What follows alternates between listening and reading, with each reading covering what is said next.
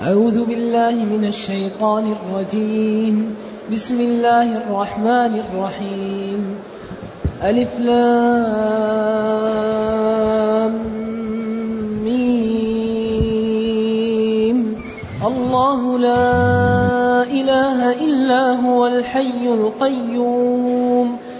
نزل عليك الكتاب بالحق مصدقا لما بين يديه وأنزل التوراة والإنجيل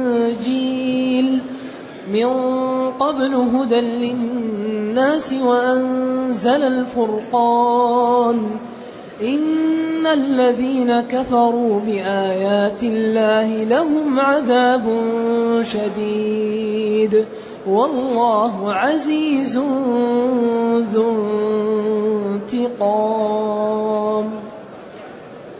إن الله لا يخفى عليه شيء في الأرض ولا في السماء. هو الذي يصوركم في الأرحام كيف يشاء.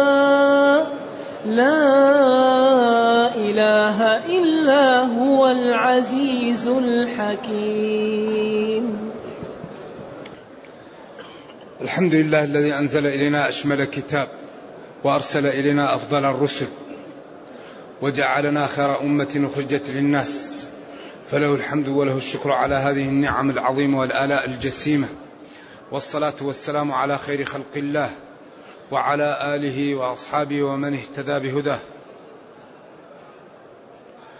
أما بعد فقد سبق أن ذكرنا أن القرآن جاء ليبين طائفة استقامت ونجت وطائفة انحرفت فهلكت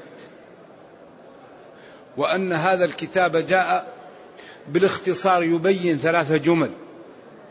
الله جل وعلا معبود بحق ونبينا مرسل من عند الله وقد وعد المصدق به الجنة وأوعد المكذب به النار. هذه الأساليب أو هذه الجمل تتخذ أشكال متعددة في كتاب الله. والنهاية أن الخلق يعلمون أن الله تعالى هو الخالق وهو الرازق وهو المحيي وهو المميت وهو المدبر فيخلصون له العبادة فينجو من عذاب الله. اذا القرآن كله يهيئ الناس للرحيل من هذا من هذا الكوكب.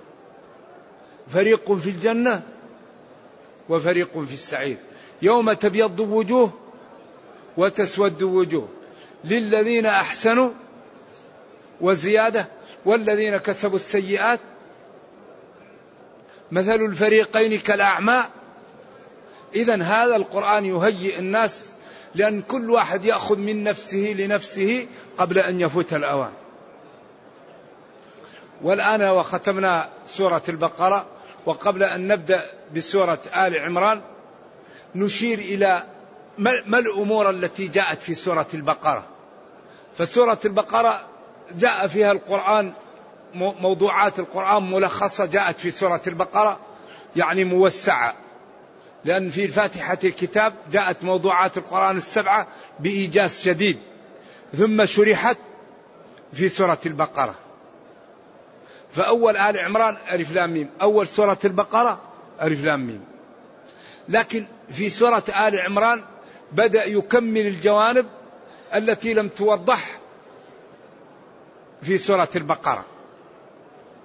أسهب فيه لذلك بين في أول سورة البقرة أن أهل الأرض ينقسمون إلى ثلاثة أقسام. قسم آمن بالقرآن ظاهرا وباطنا وقسم كفر به ظاهرا وباطنا وقسم آمن به ظاهرا وكفر به وكل من الطوائف الثلاثة أعطي صفاته وأعطي جزاءه. ولما كانت الطائفة الثالثة أعني المنافقين استفادوا من هذا الدين ولم يكونوا صادقين بين الله معائبهم ووضحها وضرب الأمثلة لهم حتى يعرفهم من لم يعرفهم. ثم نادى الطوائف الثلاثة يا أيها الناس يا أيها الناس أي يا مسلمون ويا كفار ويا منافقون. وأتى بأول أمر في المصحف وأحدث بعده تساؤل ضمنيا وذكر خمس أمور لا يقدر عليها إلا الله. إذا هذا الدين موضوع على قواعد وعلى أسس ما يمكن أن إلا التسليم أو المكابرة. ما هو قابل إلا أن يسلم الإنسان أو يكابر. والمكابرة كأن تقول هذه ليست سارية هذا كرسي. المكابرة أن تنفي الواقع. أو تقول هذا هذا ليس بالليل هذا النهار. فلا يمكن أن يقاوم هذا الدين لمن فهمه وعرف الطرق التي جاء بها. إذا ثم نادى الجميع يا أيها الناس وأتى بأول أمر في الكتاب. لو تقرأ كتاب الله المصحف أول أمر فيه اعبدوا ربكم. وذكر خمس أمور لا يقدر عليها إلا الله. خلقنا وآباءنا وخلق السماء وخلق الأرض وأنزل المطر من السماء وأخرج النبات من الأرض. وكل واحد من هذه لو يجتمع أهل الأرض لا يستطيعون أن أن يخلقوا ولو ذبابة. ولا يستطيع لو اتفق الناس أن ينزلوا المطر فلا يستطيعون. وإذا أنزلوا المطر وعملوه الصناعي فلا يستطيعوا أن يجعلوا الحب ينبت. إذا هذه الأمور من يقدر عليها؟ الله. فلا تجعلوا لله أندادا. هذا أول نهي في المصحف. وهذا معنى لا إله إلا الله مفرقة بأدلتها. إذا فلا تجعلوا لله أندادا والحال أنكم تعلمون أن المذكورات لا يقدر عليها إلا من؟ إلا الله. إذا هذا وضع أسس وإقناع وحجج وبراهين ما هي قابلة إلا للتسليم. فلا تجعلوا لله أندادا. والحال أنكم تعلمون أن المذكورات لا يقدر عليها إلا الله. ثم جاء ببرهان من؟ محمد رسول الله. عن طريق الإقناع والإنصاف وعن طريق مخاطبة العقول النيرة والأحاسيس الجياشة. فقال جل وعلا وإن كنتم في ريب مما نزلنا على عبدنا ما قال فقد كفرتم. هذا تحدي سافر. تحدي وإقناع وإنصاف وبراهين. وإن كنتم في ريب شك مما نزلنا على محمد صلى الله عليه وسلم وهو هذا القرآن فأتوا بمثله. أليس هذا إقناعا؟ أليس هذا دليل واضح؟ أبعد هذا يكون في تردد؟ فإن لم تفعلوا في الماضي ولن تستطيعوا أن تفعلوا في المستقبل فهناك الخطر ماثل. وقد أوعد المكذب به النار فاتقوا النار. إذا في أول سورة البقرة لا إله إلا الله. وأغلب القرآن مليء بلا إله إلا الله بأدلة عجيبة. فمن يكفر بالطاغوت ويؤمن بالله هذا لا إله إلا الله. كثير كثير ما تأتي لا إله إلا الله بأدلة وبطرق عجيبة في هذا الكتاب. ثم لما بين ذلك بين أنه خلق لنا ما في الأرض. وأنه إذا ضرب الأمثال أن هذا لا يعترض عليه لأن قصد من ذلك إفهام الناس. ثم أسهب في بني إسرائيل لأنهم كانت يعني الأمة التي نزل فيها القرآن يحترمون اليهود لأنهم أهل كتاب. فبين الله معائبهم حتى ما في قلوب المسلمين لهم. إبان نزول الإسلام من الاحترام يزول. لأنهم هم قوم بهت كذب يقتلون الأنبياء ويكذبون وي... ما يصدقون. إذا ليسوا أهل لأن يكونوا قدوة. فيحاول أن يزيل ما الترسبات في قلوب الأنصار وفي قلوب الناس لأن هؤلاء كانوا أهل كتاب وهم كانوا أهل جاهلية. فأسهب القرآن في بيان معائبهم وأنهم الله أكرمهم فقالوا نريد يعني البقول. أكرمهم بالمن والسلوى فطلبوا غيرها. أكرمهم الله فقتلوا الأنبياء. ولما قال لهم الله اذبحوا بقرة بدل من أن يقولوا سمعنا وأطعنا قال أتتخذنا هزؤا. ولذلك هذا يدل على حسن خلق الرسل الأنبياء. ما قال يا كفر يا فجر؟ قال أعوذ بالله أن أكون من الجاهلين. قمة في الأسلوب. وبعدين التعنت يبين لنا ما هي وما لونها. حتى شددوا فشدد الله عليهم. وفي النهاية صعب عليهم ثمنها وما كادوا يفعلون. ثم بين معائبهم وأن من أسباب الذل في الدنيا أن الإنسان يؤمن بجزء من الدين ويكفر بجزء. أفتؤمنون ببعض الكتاب؟ فما جزاء من يفعل ذلك منكم؟ خزي. خزي إيش؟ في الحياة الدنيا. إذا من أكبر أسباب الذلة في الدنيا أن الإنسان يؤمن بجزء من الدين ويترك جزء. ديننا كتابنا تبيان لكل شيء. كل ما نحتاج إليه وكل, ما وكل أمراضنا محلولة في الكتاب. بس يحتاج أن نفهمه وأن نعمل به وأن نتخذه دستورا لحياتنا. ثم بعد ذلك بين أن اليهود قالوا نحن أعداء لجبريل فقال من كان عدوا لجبريل فإنه عدو لله لأن جبريل أرسله الله ولا يتصرف إلا بأمر الله. وهو الذي أنزل فمن كان عدوا له فهو كافر وعدو لله. ثم ذكر هناك أحكام السحر وبيانه وهل نزل أو وما ما نافية أو موصولة على الخلاف الموجود. ثم ذكر النسخ. ثم بين أن إبراهيم يعني مطالب باتباعه وأنه لم يكن يهودي ولا نصراني. كما سيأتي في السورة. ثم بعد ذلك بين القبلة وأن تحويلها كان فيه مشكلة عظيمة. وإنها لكبيرة. نعم. لأنهم قالوا إما أن يكون الأول صح أو الثاني صح. فإن كان الأول صح الثاني خطأ وإن كان الثاني صح الأول خطأ. وما استوعبوا النسخ.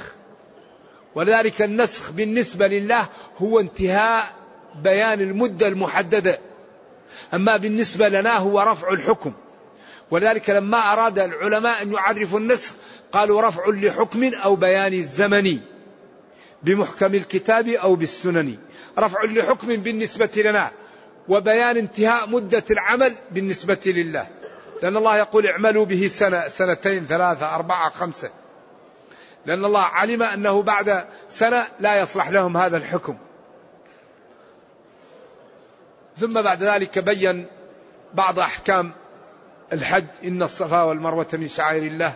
ثم بعد ذلك بين أحكام المأكولات إنما حرم عليكم الميتة والدم ولحم الخنزير. وهنا وقف مع مالك رضي الله عنه لأنه قال إن لحم الكلاب ولحم الأسود أنه مكروه. ولذلك قال وإن مالكيا قالوا بأنني أبيح لهم لحم الكلاب وهم هم. أيوة. فمالك هنا وجد أن هذا المفهوم يحلل غير هذا. إنما حرم عليكم الميتة والدم ولحم الخنزير وما أهل به لغير الله. إذا هذا المفهوم يدل على أن غير هذه الأشياء حلال. وهذا مفهوم آية. تعارض مع منطوق حديث آحاد. فهو جمع بينهم بأنه جعل حرام بمعنى مكروه. ولذلك قال أكل ذي ناب من السباع وذي مخلب من الطير. قال الكراهة. ولا شك أن هذا زيادة على ال... فيكون هذا تخصيص أو نسخ للمفهوم إذا كان هذا يمكن يكون. لأن التعارض يكون إذا كان الوقت واحد. أما إذا كان الوقت غير متحد فلا تعارض. ولذلك كثير من العلماء يقولون إن المتواتر لا ينسخ الآحاد. وإذا علم التاريخ ما المانع؟ لأن النسخ لا يكون إلا بمعرفة التاريخ لأنه رفع الحكم المتقدم بخطاب متراخ عنه. فإذا جاءك مئة رجل وقالوا لك فلان لم يأتي من السفر وبعد ساعة جاءك واحد وقال لك فلان جاء من السفر. هذا كله صحيح. لا تقول أنت واحد وهؤلاء مئة وهم أقوى منك فلا نصدق قولك لأن الوقت ما هو سوا. هذا قالوا ذلك في وقت وهذا قاله في وقت والجمع واجب متى ما أمكن فيكون الخبر الثاني رفع للأول وكل صادق. ذلك صادق في وقته وهذا صادق في وقته والحكم المتأخر رافع للحكم المتقدم. ولذلك قد يخفى على الفطين الصواب كثير من العلماء يقول المتواتر لا ينسخ بل آحاد وما المانع إذا علم التاريخ وعلم المتأخر. إذا نقول أيضا إن مفهوم إنما حرم عليكم الميتة والدم هو نسخ بإن أكل ذي ناب من السباع حرام أو ذي مخلب من الطير أو خصص إذا لم يكن إذا لم يكن عمل به لأن المخصص إذا لم يأتي التخصيص إلا بعد العمل به يكون إيش؟ يكون نسخا. والمقيد إذا لم يأتي التقييد إلا بعد العمل به يكون نسخا. وإن أتى ما خص بعد العمل نسخ والغير مخصص جلي وإن يكن تأخر المقيد عن عمل فالنسخ فيه يعهد. إذا إذا تأخر التخصيص أو التقييد إلا بعد العمل يكون ذلك ناسخا له. لأنه عمل به أما, أما إذا جاء قبل العمل فيكون مخصصا أو مقيدا على الخلاف الوارد بين العلماء. ثم بعد ذلك ذكر الأمور التي يكون بها البر وأن البر ليس بالكلام ولا بالدخول من وراء ولا أن تأتوا البيوت من غير أبوابها ولا بالكلام ولكن البر من آمن بالله. وذكر أمور هي أصول تقوية الإيمان وهي أصول ارتفاع درجة الإيمان. ثم ذكر بعض أحكام القصاص ثم ذكر بعض أحكام الصيام ثم ذكر أحكام الحج أجزاء منها ثم بين بعض الأمور التي يسأل عنها أحكام الحيض وأحكام العدد وأحكام نكاح المشركات وتحريم ذلك ثم نهى عن العضل وبين حكم الإيلاء وحكم الطلاق وأنواع العدد كثير منها ذكرها هنا. ثم ذكر الرضاع وأحكامه وبين أن الخوف وعدم الشجاعة لا تمنع من الموت. أن الموت إذا جاءت ستأتي. ألم تر إلى الذين خرجوا من ديارهم؟ فقال لهم الله موتوا. وهذه تعطي جرعة للإنسان في الحياة يكون منطلقا. ما دام كل شيء وقع سيقع لماذا أنا أتهيب؟ لماذا لا, لا أنتج؟ لماذا لا أشتغل فيما أؤمن به؟ كل ما قدر الله واقع. إذا الإنسان ينطلق في الحياة متفائلا ويمشي. والذي كتب الله سيقع والذي لم يكتب لا يقع. هذه تعطي جرعة للإنسان للإنتاج للقوة لعدم الخوف. بس مع الأخذ بالأسباب طبعا. ثم بعد ذلك ذكر قضية السكينة التي جاءت وكيف دعوا أنهم يقاتلوا أعداءهم وأن كثيرا منهم رسب في ذلك الامتحان ونجح بعضهم. ثم ذكر أن الرسل فضل الله بعضهم على بعض. ثم ذكر الذين الثلاثة الذين ماتوا وأحياهم الله عزير ثم الطيور ثم الثالث قضية نمرود.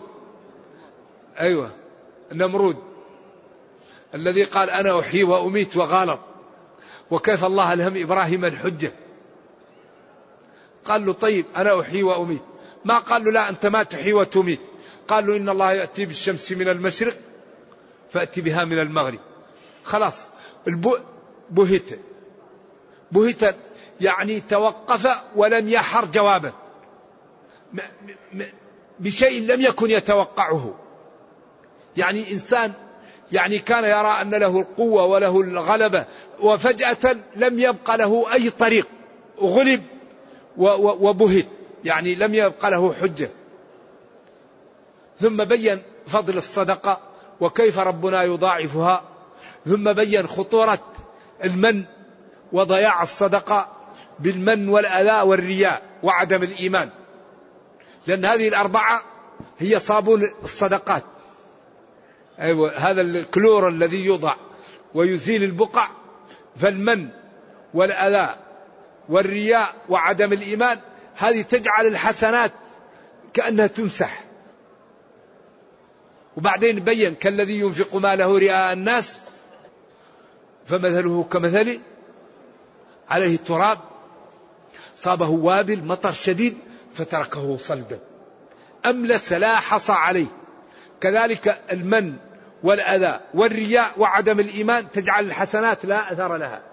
فنحذر من الأربعة من المن والأذية والرياء وعدم الإيمان. ثم بين أن المسلم ينبغي أن لا يقصد الرديء من ماله ينفقه ولو أعطي له لا يقبله إلا بنوع من المضاضة ومن الصبر ومن كتم الألم في قلبه. ولا تيمموا الخبيث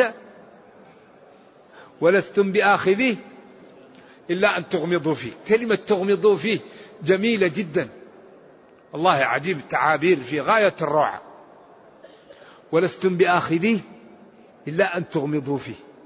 بعدين قال ولا تيمموا الخبيث منه. تنفقون. لذلك ينبغي للمسلم إذا أراد أن يتصدق وخص يأخذ أجمل ما يحب ويتصدق به ويتصدق به ولا يدري أحد عنه. لأنه قال ذلك ومن يعظم شعائر الله. قال والبدن جعلناها لكم. قالوا استثمانها واستغلاء ثمانها. تعظيمها أنك تجعلها سمينة وثمنها غالي وتتصدق بها. فإن أردت أن تصدق بأموال لا تأخذ عملة مقطعة وتصدق بها. لا خذ جديدة. النظيفة تصدق بها.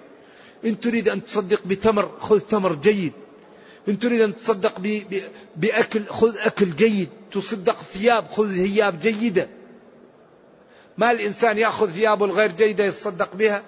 صحيح هي لها, لها أجر لكن ما هي مثل أجر إيش؟ الجديد أو الجميل. ولذلك يعني هذا الدين يحاول أن يزيل مكامن أمراض النفوس حتى يبقى المسلم سوي نظيف السريرة ونظيف الظاهر ويبقى عضو منتج للمجتمع. ثم بعد ذلك بين يعني خطورة الربا وأنه مهلك. ثم بين التداين وأنه إذا تداينا ينبغي أن نشهد عليه. وقال العلماء ذلك ليس بواجب. ثم أتى بعد ذلك بأن المسلمين نفذوا هذه الأمور وآمنوا بها وبدا على ما ختم. آمن الرسول بما أنزل إليه من ربه. كقوله هدى للمتقين الذين يؤمنون بالغيب. وأن المسلمين صدقوا وفعلوا وأن الله رفع عنهم الأغلال وأنهم دعوا ربهم وقال لهم كل ما طلبتم لكم. وانتهت السورة بهذا ثم بدأ بسورة جديدة بنفس الكلام بطرق أخرى. ألف لام ميم. لذلك القرآن يتكرر. ولا يقبل ديننا أكبر مقاومة له أننا لا نفهمه. أكبر مقاومة للإسلام أننا لا نعمل به. أكبر مقاومة لنا أننا لا نفهم هذا الكتاب. أو نفهمه ولا نعمل به. أما إذا فهمنا هذا الكتاب وعملنا به لا نقاوم. ربنا ينصرنا وأعداؤنا يعجبون بنا وغيرنا يدخل في الإسلام وتصبح الأمة ترتقي وتتقوى وتسعد وينزل الخير وتأتي الألفة ويأتي التعاضد. لأن من أكبر أسباب ضعف المسلمين ما هو؟ الفرقة. ولا تنازعوا فتفشلوا. ومن أكبر أسباب عدم الفرقة ما هو؟ ما هو؟ التنازل. إذا لم يتنازل الأخ عن أخيه ما تقع بينهم الألفة. كل واحد له مصلحة. كل واحد له مصلحة إما دنيوية أو إما دينية وإما معنوية وإما حسية. فإذا تنازل كل واحد عن جزء ماله جاءت الألفة والمحبة بين المسلمين وأصبحوا أقوى أمة. وإذا كان كل واحد يريد أن يأخذ حقه كاملا ما لا يقع؟ جاءت النفرة وجاءت وذلك قال صلى الله عليه وسلم إن ابني هذا سيد. والله هذه الكلمة عجيبة. هذه هذه حكمة. إن ابني هذا سيد. لماذا؟ أيوة. سيصلح الله به بين فئتين عظيمتين من المسلمين. أي ناس بينهم مصلحة؟ إذا لم يتنازل بعضهم لبعض تأتي بينهم إيش؟ العراك وتأتي المضاربة وتأتي وإذا كل واحد تنازل جاءت الألفة. من المؤسف أن أعداءنا علموا من ظاهر الحياة الدنيا أن بالتنازل يرتقون في الدنيا. فيتنازل هذا ويتنازل هذا ويعملون أقوى قوة اقتصادية في العالم بالتنازل على ما بينهم من الإحن والتنافس. والمسلمون دينهم واحد ونبيهم واحد وكتابهم واحد ولسانهم وقبلتهم واحدة. ومحل الذي يحجونه واحد. طيب وليش يختلفوا؟ وتجد كل دولة مسلمة يعني جارتها دولة مسلمة بينهم مشاكل الحدود. والله يقول ولا تنازعوا فتفشلوا. شوف الفاء هنا فتفشلوا. لأن إذا تنازعوا على طول بعدها على طول يأتي الفشل. إذا لا بد أن نشيع بيننا التنازل. نشيع بيننا فهم كتاب الله حتى نعود للمكان اللائق بنا. ألف لام ميم. هذه الحروف المقطعة للعلماء فيها قولان. القول الأول أنها من المتشابه. لا يعلمها إلا الله. ولذلك يقول كثير من المفسرين ألف لام ميم الله أعلم بمراده بها. القول الثاني أنها ليست من المتشابه واختلفوا فيها إلى أكثر من ثلاثين قولا. من أقواها. أنها جاءت لأن قريش قالوا لا تسمعوا لهذا القرآن والغوا, والغوا فيه فجاءت هذه الحروف على غير ما هو معهود ليستمعوا فتأتيهم القوارع. لأن ما, ما ألفوا هذا ما هو أسلوب معروف. ألف لام ميم. على طول يعطي وذنه ذلك الكتاب لا ريب فيه. الله لا إله إلا هو نزل عليك الكتاب بالحق. كتاب أنزل إليك فلا يكون في صدرك حرج منه لتنذر به وذكرى للمؤمنين. فتأتي القوارع على طول وتأتي السياط بعده. هذا قول. القول الثاني أنها جاءت للتحدي. أنتم أصحاب فصاحة وبلاغة ووصلتم العلياء من ذلك. وهذا رجل أمي لا يقرأ ولا يكتب وتسمونه الأمين. وقد جاء بكتاب من جنس كلامكم وبأسلوب من جنس أسلوبكم فإن كنتم مكذبين به فأتوا به. لذلك كل ما جاءت يأتي التحدي بعدها. إذا جاءت للتحدي. قيل جاءت لحساب الجمل قيل جاءت أسماء للسور قيل أقسام أقوال كثيرة ومن أقواها عندي. أنها جاءت للتحدي ولم تأتي لأجل أنها كلمات وإنما جاءت القرآن مكون من هذه الحروف وأنتم أصحاب فصاحة وبلاغة وقد وصلتم من ذلك إلى الذروة فإن كنتم مكذبين بهذا الكتاب فأتوا بمثله فإن عجزتم فآمنوا بنبيي واعلموا أنكم إن كفرتم به أوقعتم أنفسكم في الهلكة. إذا هي جاءت للتحدي. وهناك أقوال أخرى وقد ذكر كبير المفسرين ابن جرير عشرة أقوال وقال وكلها صحيحة. وقد ذكر الوالد في أول سورة هود في الجزء الثالث أن من أقرب ما يكون أنها جاءت للتحدي لأن الاستقراء التام حجة. ولما نستقرأ القرآن نجد أن أغلب ما تأتي هذه الحروف المقطعة يأتي التنويه بعدها بالقرآن. فكأن الله يقول لهم أنتم أصحاب فصاحة وبلاغة وهذا الكتاب جاء بلغتكم فأتوا بمثله فإن عجزتم فاعلموا أنه من عند الله فآمنوا به وقوا أنفسكم من النار قبل أن يفوت عليكم الأوان. الله لا إله إلا هو. الله هو المعبود بحق. وهو علم على الذات. وتقدم أن اشتقاقه هل من العبادة أو من الوله أو من التحير. فهو علم على المعبود بحق. لا إله إلا هو. أي لا معبود بحق إلا هو سواه.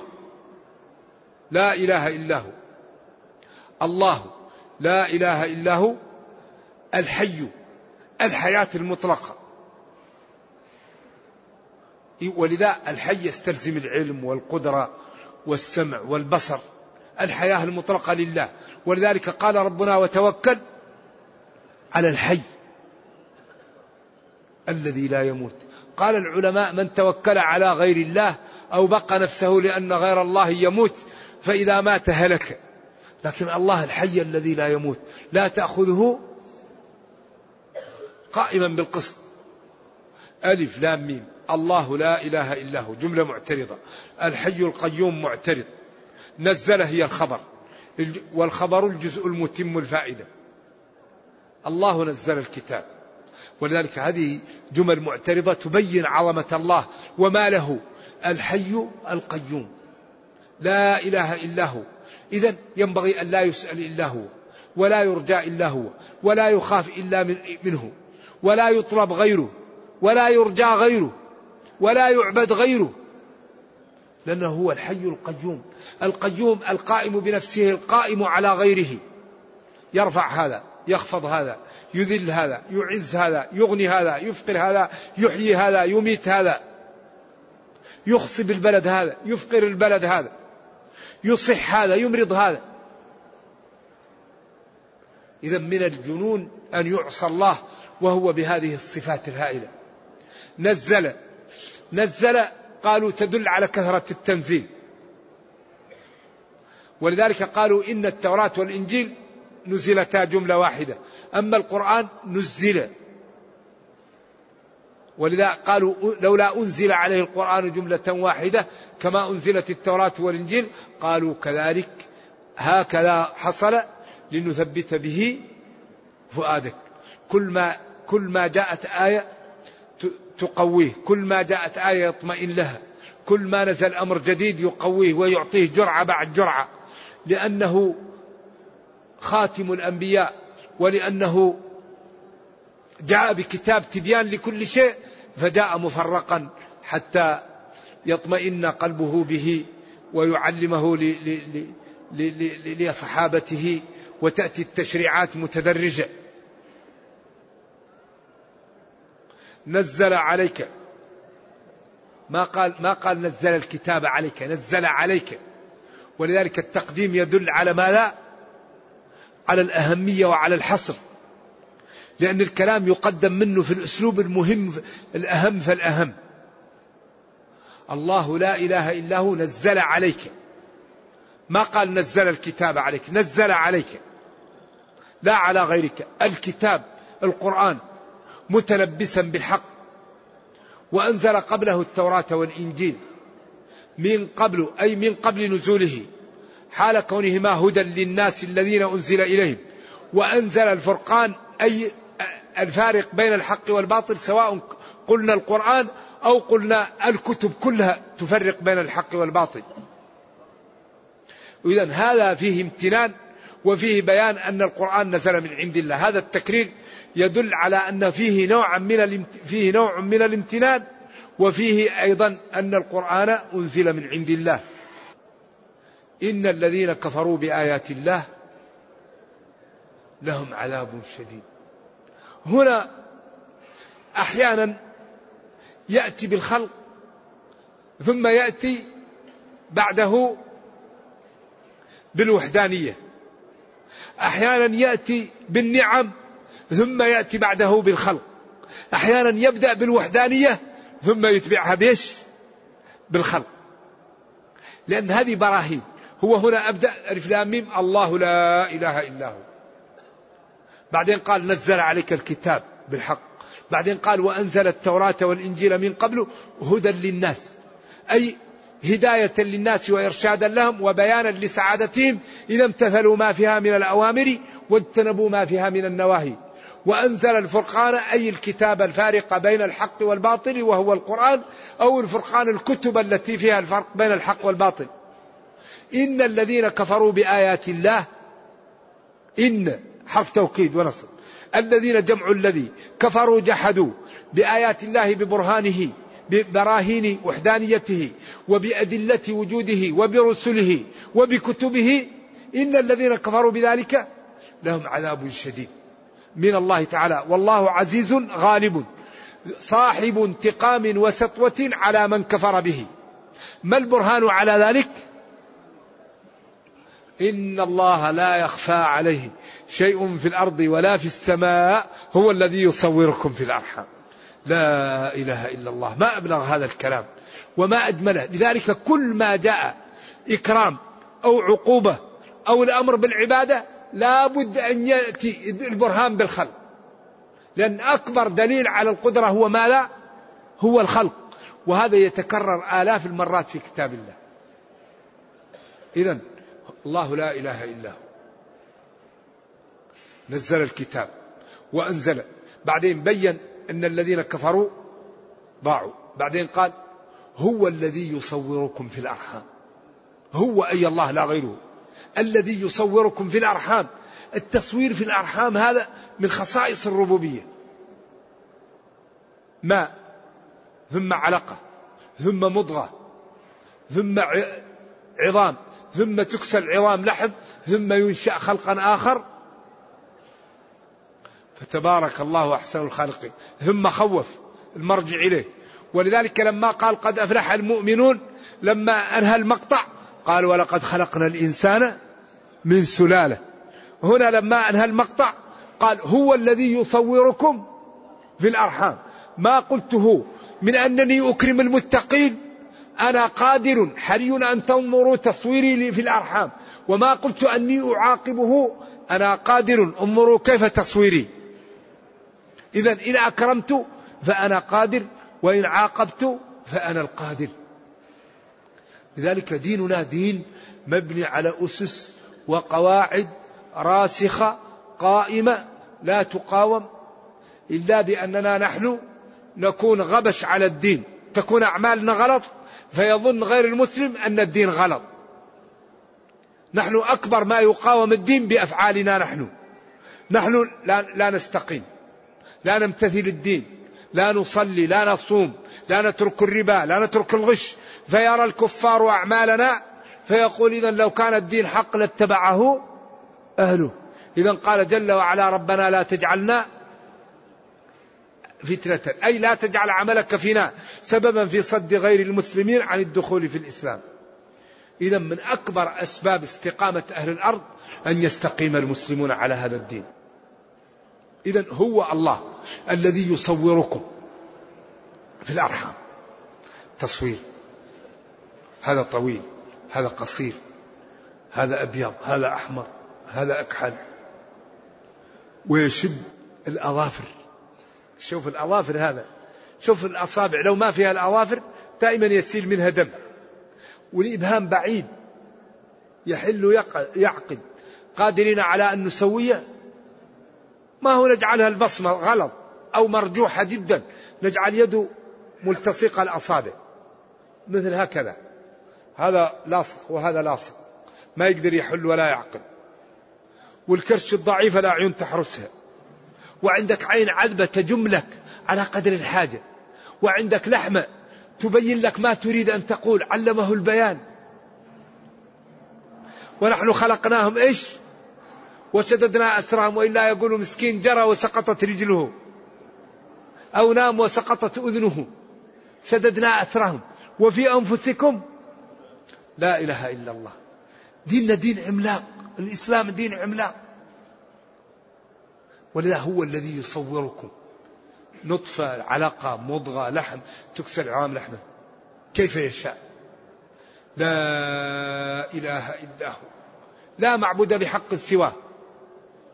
يجعل هذا غني يجعل هذا فقير يجعل هذا جميل يجعل هذا قبيح يجعل هذا عيونه جاحظة يجعل هذا عيونه غائرة يجعل هذا أسنانه كذا يجعل هذا لا أسنان له. كل واحد. ولذلك لما تنظر كل واحد مبصوم بصمة. أفمن يخلق كمن لا يخلق. شو آلاف الناس لا تجد واحد يشتبه مع الآخر. الآن المصانع لو لم يحطوا الأرقام ما يمكن يميز يعني بضاعة عن بضاعة إلا بالأرقام. ينظر يقول لك هذا رقم كذا. لكن هذا كل واحد مميز عن الآخر. ولذلك قال فمن يخلق كمن لا يخلق. هو الذي يصوركم لا غيره. في الأرحام الرحم كيف يشاء. طويل قصير شقي سعيد غني ضعيف متين. لا إله إلا هو العزيز الغالب الحكيم الذي يضع الأمور في مواضعها. ونرجو الله جل وعلا أن يوفقنا وإياكم لما يحبه ويرضاه وأن يجعلنا جميعا من المتقين. إنه خير مسؤول والقادر على ذلك. وصلى الله وسلم وبارك على نبينا محمد وعلى آله وصحبه. والسلام عليكم ورحمة الله وبركاته.